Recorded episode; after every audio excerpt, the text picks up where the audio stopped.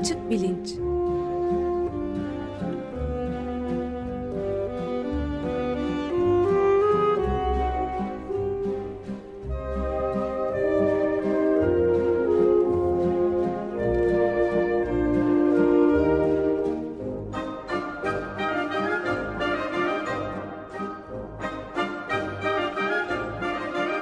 Güven Güzeldere ile bilim ve felsefe sohbetleri.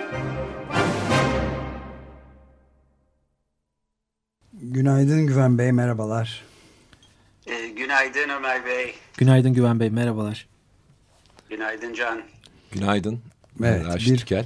Konuğumuz var Raşit Tükel. Siz de takdim ederseniz. E, tabii memnuniyetle. E, bu hafta akademik özgürlük ve üniversite özelliği konusunda yaptığımız serinin beşinci e, programındayız. E, Barış için akademisyenler e, adı altında e, 1128 e, akademisyenin verdiği bir imza ki bu daha sonra 2000'in üstü sayılara çıktı. E, e, bu bildirinin e, koparttığı fırtına üzerine böyle bir e, seri e, yapmaya başlamıştık ve e, Bilim Akademisi Derneği Başkanı Profesör Doktor Mehmet Ali Alpar'la ardından Koç Üniversitesi'nden Bilge Selçuk'la daha sonra e, Reşit Can Beyli ve Gençay Gürsoy hocalarla ve son olarak da e, geçen hafta anayasa hukukçusu Cem Erol hocayla konuştuk. E, bugün e, İstanbul Üniversitesi e, Psikiyatri Anabilim Dalı'nda profesör olan e, Raşit Tükel konuğumuz. E, bu seriyi bu şekilde bu programla e, şimdilik e, sonlandırmış olacağız. E, bilimsel e, alanda yeni gelişmeler var. E, bunlardan da program sonunda kısaca bahsetmeye çalışacağım. E, fakat Barış için Akademisyenler bildirisi e, gündeme e, yeniden gelecekmiş gibi gözüküyor. O zaman belki e, birkaç başka programla bu e, konuyu yeniden masaya yatırırız. E, ben Raşit Tükeli hemen e, tanıtayım. E, Ege Üniversitesi Tıp Fakültesini bitirdikten sonra uzmanlığını İstanbul Üniversitesi e, Tıp Fakültesi Psikiyatri Anabilim'de alıyor. E, önce doçent arkasından e, profesör oluyor ve şu anda da aynı yerde öğretim üyesi olarak görevine devam ediyor.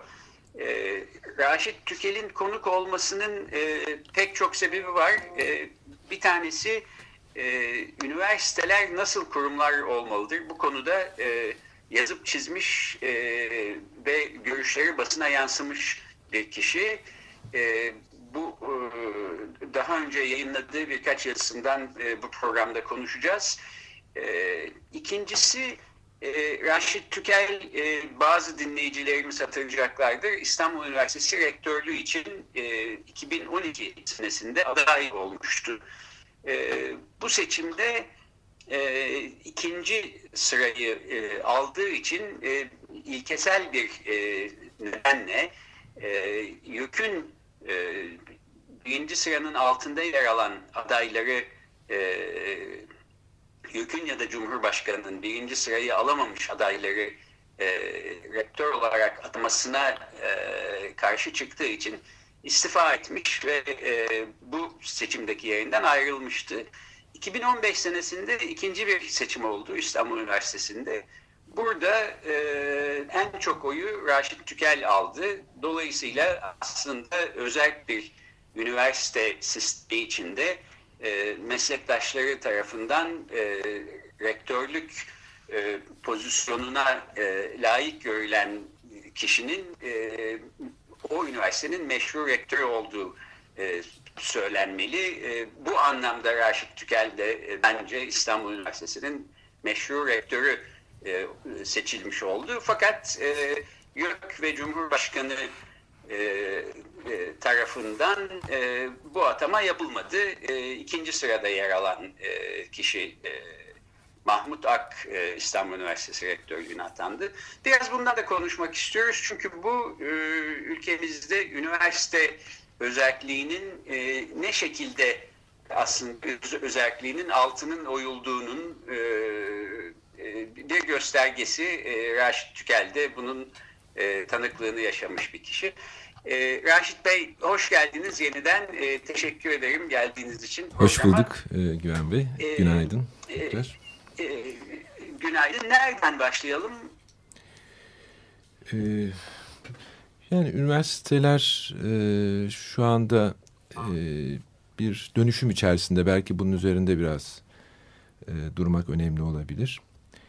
E, yani üniversite e, bilim alanında eğitim öğretim etkinlikleri ve bunlarla işbirliği içerisinde ayrılmaz bütünlük içerisinde araştırma etkinliklerini yürüten e, kurumlar e, bilindiği gibi. Ve bu yönleriyle de üniversiteler mesleki ve teknik e, yüksek okullardan farklı e, kurumlar. E, temel işlevleri herhangi bir mesleğe e, bir eğitimden çok aslında kişilerin kendisini geliştirmesine hizmet etmesi beklenen e, kurumlar. Bilim için bilim yapılan e, yerler. E, bunlar e, geleneksel üniversite modelinde e, yer alıyor. Devlete aslında bağlı değiller bu yönüyle. Devlet öğretim üyelerinin işte maaşlarını öder, e, onların görevlendirmelerini yapar. Çalışmalar için özgür bir ortam e, yaratır aslında. E, böyle olması beklenecek olan. Tabii üniversite deyince demokratik, katılımcı, özgür ve özerk bir üniversite önemli. Bir üniversite tanımında bunlar mutlaka ifade edilmeli. Aklın bilimin üstünlüğünü önceleyen, insana değer veren, ilkeleri benimseyen bir anlayış burada yine çok önemli. E, akademik özgürlükler, bilimsel özgürlükler yine e, çok önemli. Hiçbir baskı ve müdahaleye uğramadan araştırma, eğitim, hizmet işlevlerini yerine getirme. Bilim üretirken bilim insanlarının bunu aktarırken, bunları yayımlarken kaygı duymaması. Ki e, burada e, akademik bilimsel özgürlük güvencesini ifade etmemiz gerekiyor. E, evrensel işlevlerini yerine getirirken e, bu bir güvence aslında. Yani her türlü etki ve baskıya karşı bir e, güvence. E, bu şekliyle bakıldığında e, hani kendisini koruyan bir durum değil de e, topluma e, hizmet etmesi açısından e, kendi bilimsel özgürlüğün tanımlandığı bir e, kavram. E, akademik özellik kısmı e, çok önemli. Yani kurumsal özellik. Bu da e, üniversitelerin kendi kendilerini yönetmesi anlamına geliyor. E, kendi yöneticilerini seçmeleri, seçimin temel olması anlamına geliyor. Ve e, kendi bütçesini oluşturması, bunları özgürce, özel bir şekilde kullanması e, anlamına geliyor ki e, demin siz de söz ettiniz e, rektörlük e, seçimleri ve bunun sonrasındaki atama süreci aslında akademik özelliğin ihlal edildiği durumlar. Çünkü kurum kendisi bir tercihte bulunuyor. Bu daha sonra YÖK tarafından ya da son aşamada Cumhurbaşkanı tarafından değiştirilebiliyor. Böylece kurumun kendisinin belirlediği, kendisinin tercih ettiği, seçtiği, oy verdiği kişi değil, e, yukarıdan kriterleri belli olmayan bir şekilde atanan e, kişi rektör olmuş oluyor. Tabii bu atama biçimi e, daha sonra e, birçok aşıdan e, üniversitenin e, yetkililerle, kendi üstündeki kurumsal e, yapılarla ilişkisini de e, belirlemiş e, oluyor. Hükümetle hatta ilişkisini e, belirlemiş oluyor. E, bu şekilde bir atanma e, daha sonra çeşitli e, kendisinin önüne talepler geldiği zaman bunların üniversitenin çıkarına mı, üniversite için uygun tercihler mi olduğuna bakmadan uygulayabilmesi gibi şeklinde bir sonuç doğurabiliyor. Yani buradan başlayan bir süreç daha sonra birçok kademede kendini gösteriyor. İşte dekanlar arkasından atanmış oluyor. Müdürler e, yüksek okullara atanmış oluyor. Böyle bir e, süreç e, karşımıza çıkıyor. E, evet, siz bunu 2012'de Biyanet'te yayınlanmış bir e, yazınız var. Akademik özgürlükler ve bilimin ansızlığı üzerinden bir değerlendirme diye. Orada da buna değiniyorsunuz. E, şöyle diyorsunuz akademik özgürlük gerçek ve yeni bilgiyi araştırmayı gerektiren iklimin korunmasını garanti eder. üniversitelerin öğretme, araştırma ve yayınlama gibi evrensel işlemlerini herhangi bir etki ve baskıya karşı güvence altına alır. E, bilimsel özgürlük güvencesi, yine sizden e, aktarıyorum, özgürlüğü kendisi adına bir dokunulmazlık olarak değil, toplumun yararı ve gelişmesi adına kullananlara tanınan bir güvencedir. Evet. Diyorsunuz gerçekten de böyle ve böyle olması lazım. Yani sonuçta bilimsel gündemi e, bugünden yarına araştırmalarla neyin keşfedileceğini e, günlük siyaset belirlemiyor. Dolayısıyla bilimsel alanın bir e, özelliği e, varsa, var olmak zorundaysa e, bu bilimsel faaliyetin yapıldığı kurum olan üniversitenin de e, bu özellik alanı içinde yer alması şart. Başka bir imkan e, söz konusu değil gibi gözüküyor. Öte yandan işte 2000 küsur öğretim üyesi olan bir e, kurum kendi öğretim üyelerinin belirlediği e, işte bu çok konuşulan sandık iradesi e, şekliyle e, ifade ettiği e, kimin rektör olması e, gerektiği kararını veriyor. Fakat bu karar e, bir e, kurul tarafından daha sonra kuruldan e, iletilmiş e, kurul yoluyla gönderilmiş bir Cumhurbaşkanı e, tarafından ters yüz edilebiliyorsa burada çok acayip bir durum var demektir. E, bu, bu çok açık. E, siz e, e, yeni YÖK yasa tasarısı hakkında da e, görüşlerinizi bildirdiniz. E, YÖK e, biliyoruz ki 1980 darbesinden sonra Türkiye üniversite sisteminin merkezine oturtulmuş. E, o gün bugündür kurtulamadığımız bir yapı. E, öyle gözüküyor ki fakat bu yeni yasa tasarısıyla iktidar e, YÖK, bizi YÖK'ten e, kurtarmak niyetinde değil. E, aslında kötü olan bir şeyden e, daha kötü bir yere doğru e, hı hı. götürecek gibi bir izlenim hı. E, sahibiyiz. Bu konuda da e, düşüncelerinizi biraz aktarır hı hı. Şimdi e, aslında e, YÖK tasarısına geçmeden önce bunun e, altyapısı nasıl e, kuruldu, kurulmakta onu ifade etmek istiyorum. E, demin e, üniversite nasıl olmalı üzerine konuşmuştuk ama son yıllarda üniversite ne yöne doğru gidiyor? Belki bunu biraz e, ifade etmeye çalışalım. Şimdi üniversitelerde e, ürettiği, üniversitenin ürettiği bilginin e, sanayi kuruluşlarına onların kullanımına sunulması ile ilgili bir e, süreç var. E, sektörel stratejilerle uyum içerisinde işte yenilikçilik, girişimcilik e, denen e, o şekilde tanımlanan e, bir faaliyet e, sürdürülüyor. E, araştırma, geliştirme, yenilik üretme e, faaliyetlerinin e, çıktısı olan teknoloji sanayi kuruluşlarına e, transfer ediliyor.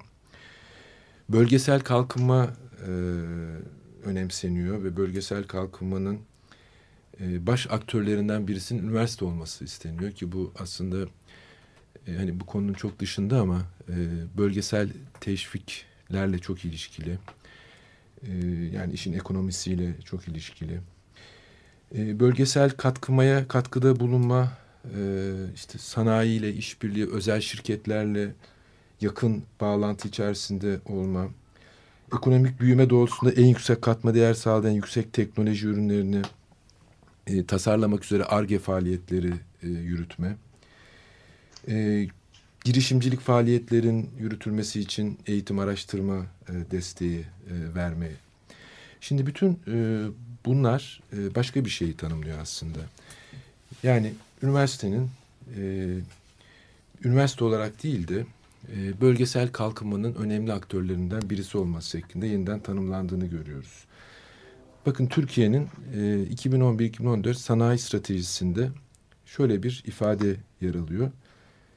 Bölgesel gelişmeyi desteklemek ve bölgelerin rekabet gücünü arttırmak amacıyla özel sektör, üniversite ve kamu kuruluşları işbirliği içine giderler ve bu işbirliği desteklenir e, diyor ve yüksek öğretim kurumlarının yerel özelliklere göre uzmanlaşması gerektiğini söylüyor. Bunun söylendiği yer sanayi stratejisi.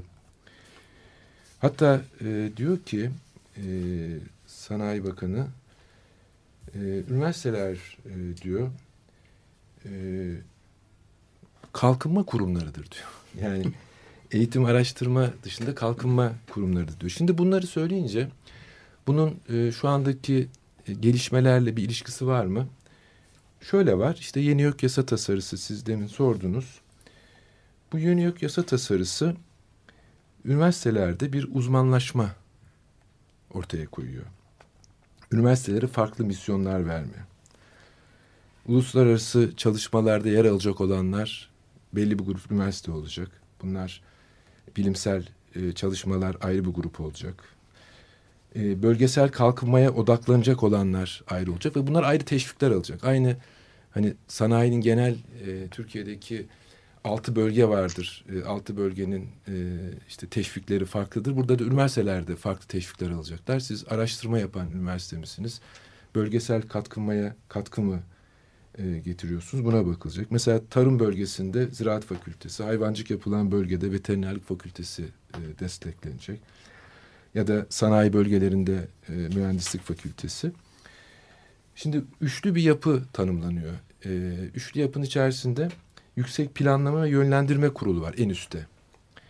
Bunun altında YÖK var.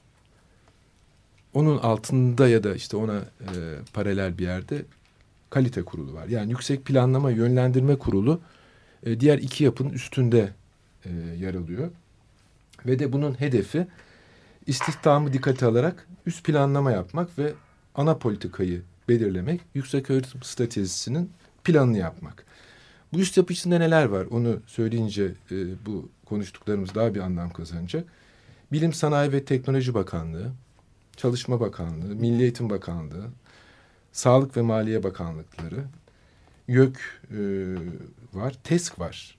E, Türkiye Emekçi e, Sendikaları e, Konfederasyonu. Esnaf ve Sanatkarlar Konfederasyonu, Konfederasyonu, TİSK var, Türkiye e, İşveren Sendikaları Konfederasyonu, TOP var, Odalar ve Borsalar e, Birliği. Bunların yer aldığı bir kurul. Ve kurulun başında kim olacak biliyor musunuz? Başbakan. Yani bütün e, eğitimin e, planlandığı bir kurulda bu bakanlıklar var. Bakanların kendileri var. Yani bu tasarı tabii bize e, yani Yekta Sarac'ın yok başkanının e, birçok toplantıda ifade ettiklerinden e, yola çıkarak bunları konuşuyoruz. E, ve YÖK bu kurula hesap verecek. Yani YÖK başbakana hesap verecek. Başbakanın başında olduğu bir kurula hesap verecek. Bir de kalite kurulu var. Kalite kurulu da YÖK'ün aldığı kararların çıktıların değerlendirecek. Şimdi bu çıktı çok önemli bir şey. Yani e, hani sanayide ürün vardır ya üniversitelerde böyle çıktı tanımlanıyor. Yani bilimsel araştırma bunun sonuçları değil çıktı. İşte kalite e, kurulu bunların ne kadar uygun. Tabii buradaki çıktılar demin söylediğim çerçeve içerisinde bakarsak hani meseleyi bütün işin özünü kalkınma üzerine kurduysanız kalkınmaya ne kadar katkı yapıyor buna bakılacak. Yani sanayiye ne kadar e, katkı yapıyor buna bakılacak. Şimdi bir taraftan da şöyle bir şey e, söyleniyor. Yani yine YÖK Başkanı bunu ifade ediyor. Diyor ki YÖK'ü diyor biz küçültüyoruz diyor. Şimdi küçültme e, dediği bir takım yetkileri üniversitelere vermek. Mesela 50 de kadrosu e, vardır. Bu kadroya geçmeleri üniversiteye bırakma. Bütünleme yetkisini üniversiteye bırakma. Disiplin işlemlerini e, bu henüz yani yasa taslağı biçimde e, üniversiteye bırakma gibi. Fakat e, baktığınız zaman e, yukarıda öyle bir kurul var ki sizi zaten ismi de öyle. E, planlama, yüksek planlama ve yönlendirme kurulu. Sizi yönlendirdiği yer de sanayi. E, özel sektörle ilişki. E, mesela bu ilişki nasıl ortaya çıkıyor? Örneğin COBİ'lerle e, ilişkiye geçiliyor. İşte COSGAP gibi bir yapı üniversitede e, teknoloji merkezleri e, kuruyor. Teknoloji transfer ofisleri var. Bütün e, elde edilen o teknolojik e, ürünlerin doğrudan e, sanayiye e, transfer edilmesi. Fikri mülkiyet hakları mesela çok öne çıkmaya başladı. Patent yapın, bu patentin sahibi olun ve bunu satarak e, para kazanın. E, öğretim elemanları kendi şirketlerini kursunlar. Startup company denen e, hepsinin bir şirketi olsun. Hatta bu şirkete özel e, sektörde e, gerekirse ortak olsun. Yani böyle bir üniversite. Bu üniversite modelinde e, önemli sıkıntılardan biri de şu oluyor aslında. Bilimsel e, gelişmelere göre değil de o sıradaki sanayinin ihtiyaçlarına, o bölgenin kalkınmasını öne çıkartan yerel faktörleri öne çıkardığınızda o zaman e, tamamen uygulamaya dönük bilimler öne çıkmış oluyor. Mesela e, bilim teknolojisinin yer aldığı e, daha çok alanlar. E, bunun dışındaki e, temel bilim alanları örneğin e, önemini e, kaybediyor. Çok geride e, kalıyor. Bunların bir kısmı e, kapanmak e, durumunda e, kalıyor. Felsefe filan. Felsefe filan tabii bunların e, hani ileriye dönük olarak gerçekten e, kendilerine böyle bir sistemde e, yer bulmaları çok zor. Zaten demin e, farklı teşviklerden söz ettik. Yani üniversiteler e, aldıkları teşvikleri daha çok ne kadar e, katma değer ürettikleriyle e, ölçülecek. Ne kadar üretiyorsanız onu alacaksınız. İşte fon ne kadar yaratabiliyorsunuz, ne kadar fon oluşturabiliyorsunuz. Bunlarla e, bakılacak ve bu yönde siz daha çok destekleneceksiniz ya da desteklenmeyeceksiniz. O yüzden e, yani bu e, tamamen e, bu model, e, bu gelişim süreci üniversiteyi üniversite e, olmaktan e, çıkartan e, bir modele karşılık geliyor. Bunu söyleyebilirim. Evet neoliberal e, dediğimiz yani farklı şey ülkelerde özellikle Amerika Birleşik Devletleri'nde ama Avrupa'da da gördüğümüz yeni bu ticaret anlaşması modellerine filan da uygun bir şekilde hı hı. şirketlerin üstünlüğünü ön plana alan bir anlayışın şeyi yani AKÜ diye kısaltabiliriz belki Adalet ve Kalkınma Üniversiteleri. Üniversitesi evet. E, fakat şey bu tabii e, mesela böylesine e, neoliberalizmin hizmetine veren bir kanun tasarısına e, mecliste e, yani başta Cumhuriyet Halk Partisi olmak üzere e, muhalefetin kuvvetli bir muhalefeti olduğunu da görüyor muyuz bilmiyorum ben. Ee, yok hayır yani seçim bildirgelerinde de Cumhuriyet Halk Partisi için konuşuyorum. Ee, yani bunu destekleyecek e, çeşitli maddeler e, vardı. Yani bu neoliberal dönüşümü e, destekleyecek maddeler vardı. Demin hani somut olsun diye bir şeyin e, örneğin örneğini vereyim altını çizerek. YÖK Başkanı Yekta Saraç e, 2015 Nisan ayında açıklıyor. Bakın devlet üniversitelerinden 22 üniversitenin biyoloji programını 31 üniversitenin fizik programına, 36 üniversitenin kimya programına, 7 üniversite matematik programına öğrenci kontenjanı verilmeyeceğini söylüyor. Yani bunlar hepsi temel bilim alanları. Esas bilimin yapılacağı yerler bunlar. Hani bunun dışında e, hani sosyal bilimlere falan girdiğim zaman siz de işaret ettiniz. Durum tabii çok daha e, vahim, vahim olacak. Evet çok e, evet, kaygı verici. Şunun, şunun da aslında altını çizmek lazım. Yani e, tamamıyla sanayinin e, güdümüne sokulmuş ve bir e, merkezi bir şekilde yönetilen bir şirketler ağı e, haline getirilmiş bir üniversite sistemi burada savunuluyor. E, fakat bu tabii ki neoliberal bir dünya görüşüyle çok e, uyumlu bir e, tutum. Öte yandan e, neoliberal dünya görüşünü savunan e, pek çok birinci dünya ülkesi bile e, bu tür bir üniversite sistemini savunmuyor. E, Amerika Birleşik Devletleri'nde örneğin üniversitelere tanınan özgürlük ve özellik alanı çok daha geniş. E, Türkiye'de olduğu gibi bir merkezi yönetim dayatılmıyor. Dolayısıyla e, biz e, bir şekilde her şeyin en kötü niteliklerini seçip toplayıp e, bir araya getirip e, YÖK'te e, bunlara vücut bulduruyoruz e, gibi düşünüyorum ben. Evet şey de çok şaşırtıcı değil mi? Yani bunca daha doğrusu belki de beklenebilecek bir şey şaşırtıcı olmaktan çok 1982'den beri de YÖK'le baş başayız yani 35 sene oldu neredeyse ve hiçbir her, herhangi bir iktidar ya da dönemin muhalefet partisi bunu kaldırmayı değiştirmeyi filan başaramadı yani. Evet.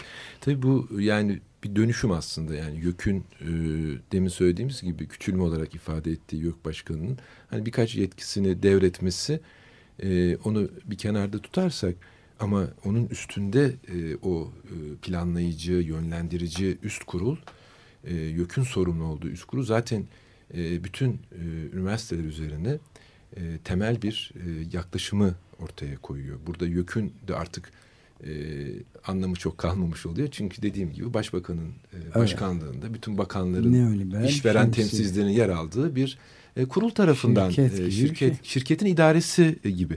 Yalnız Amerika ile ilgili yani bir şey söyleyeyim. Çünkü aslında tabii 1980'lere e, dayalıyor. Bay Dole patent yasasıyla e, Amerika'da başlıyor bu süreç. Hani oradaki e, durum e, bizdeki yerel özellikleri e, göstermiyor belki ama e, bu şirketlerle ortaklıklar, e, iş ortaklıkları, üniversite sanayi araştırma merkezlerinin birlikte oluşturulması tabii o e, 80'lerden itibaren 90'larla 2000'lere doğru giderek e, kendini gösteren üniversitelerin e, kamudan, devletten e, destek alan kurumlardan giderek e, sanayi ile yakın işbirliği içerisine girdiği kurumlar olması da göz ardı etmememiz gerekiyor. Yani mesela şöyle şeyler e, örnek olarak verilebilir. ExxonMobil Stanford Üniversitesi 225 milyon dolarlık bir anlaşma yapıyor. İşte BP Kaliforniya Üniversitesi ile enerji biyobilim departmanı açılması karşında 500 milyon dolarlık anlaşma yapıyor gibi birçok örnek var. Yani bunlarda işte patent ofisleri e, kuruluyor. Bütün e, dekanlar e, değişiyor. Girişimcilik çok öne çıkıyor. İnsan genom projesi örneğin insan DNA'sının sermayeleşmesi e, gibi bir süreç bir taraftan. Bütün genom projesi e, ticari amaçlarla patentleniyor. Yani e, dünyadaki e, böyle bir e, süreci de bir taraftan e, aklımıza tutmalıyız ama e, Türkiye'deki örnek tabii e, siz de ona işaret ettiniz sanırım. Bu gelişmelerin e, üzerine eklenen e, bir e, hani daha hiyerarşik, daha e, üstten e, aşırı kontrolle e, giden ki bunları uygulamanız için e, böyle olması da e, gerekiyor ve biz bundan dolayı hem neoliberal gelişmelere karşıyız hem de üniversitelerde antidemokratik uygulamalara, özgürlüklerin kısıtlanmasına karşıyız. Çünkü siz böyle bir modeli ancak e, akademik özgürlüklerin olmadığı bir ortamda uygulayabilirsiniz. Biz mesela bilimsel özgürlükten söz ediyoruz. Burada e, bir üst kurul size hangi araştırmayı yapacağınızı belirliyorsa bilimsel özgürlükten söz edebilir miyiz? Akademik özellik, kurumsal özellik diyebilir miyiz? Çünkü zaten sizin ne yapmanız gerektiği yukarıdan belirleniyor. O yüzden hani bunları e, hani tamamen Türkiye özgü gibi düşünmeyelim. E, bunların çok daha ileri boyutlarda uygulayıcıları var e, gelişmiş ülkeler ama bizdeki e, maalesef son dönemde e, bir alan e, bırakmayacak biçime dönüşüyor giderek. E, neye alan bırakmıyor? Bilime, bilimsel e, özgürlüklere, e, bilimsel faaliyetlere e, bunu belirtmek isterim. Evet üstüne üstlük tamam, de soruşturmalar ee, yapıyorlar değil mi? Evet bir de onlar var. E, galiba zamanımızın sonuna geldik fakat evet. ben de size katılıyor olduğumu söyleyeyim. Amerika Birleşik Devletleri'nde de özellikle temel bilimler ve beşeri bilimler konusunda aslında ciddi bir e, kriz yaşanıyor ve e, çıktılara bakılması, sanayileşen, şirketleşen üniversitelerin e, öne e, konması bu, bu elbette bir sorun. E, biz işin bu tarafını tamamıyla almış olduğumuz gibi bir de üstüne e, özelliği evet. yok eden bir merkezi evet. sistemi bunun tepesine bindirerek e, kötünün kötüsü bir e, sistemi e, ülkemizde tesis etmeye çalışıyoruz. Bunu söylemeye çalışıyordum. E, böyle bir ortamda işte bir grup akademisyenin çıkıp e, iktidarı eleştiren bir bildiri yayınlaması da e, bunun affedilemez bulunması dolayısıyla müthiş bir karalama kampanyasının başlatılmış olması e, da herhalde çok e, şaşacağımız bir şey değil. Evet. E, bu konuda yeniden gündeme geldikçe takip edeceğiz. E, bitiriyoruz. Son söylemek istediğiniz bir şey varsa e, Raşit Bey ben sözü size bırakayım. E, yani bütün e, bu gelişmelere karşın üniversitede gerçekten e, bilimsel gelişmeleri önceleyen e, ve akademik özgürlükler mücadelesini veren, e, öğrencilerin eğitimiyle ilgili onların yanında onlara sosyal imkanları sunan, iyi eğitim imkanları sunan bir çaba içerisinde olan, üniversitelerin e, özerk, demokratik, katılımcı yapıya kavuşması için mücadele eden e, geniş bir kesim var. E, bunu belirteyim. Bu mücadele e, sürüyor ve bundan sonra da sürecektir. Yani umutsuz bir e, biçimde e, kapamayalım çünkü e, gerçekten e, üniversiteler üniversite yapmak mücadelesi e, devam ediyor, edecektir. Peki, çok teşekkür, çok teşekkür Ben teşekkür ediyorum. Konuğumuz İstanbul Üniversitesi Tıp Fakültesi Psikiyatri Anabilim e, dalından e, Profesör Doktor Raşit Tükeldi. Akademik özgürlükler konusunda yaptığımız serinin beşinci ve şimdilik son programını yapmış olduk.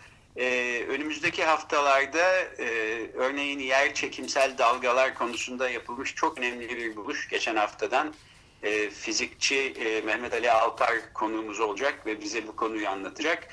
E, data madenciliğinden ve Oscar e, ödülleri tahminlerinden, e, yapay zekanın kurucularından e, yeni e, vefat eden Marvin Minsky'nin e, çalışmalarından bahsedeceğiz. E, gelecek hafta görüşmek üzere. Hoşçakalın. Görüşmek üzere. Hoşçakalın. İyi günler.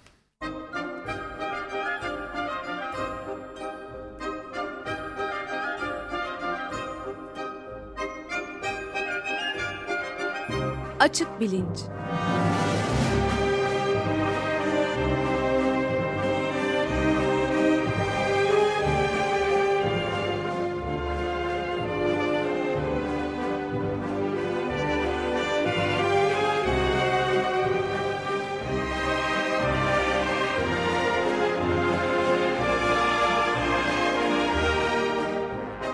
Güven Güzeldere ile bilim ve felsefe sohbetleri.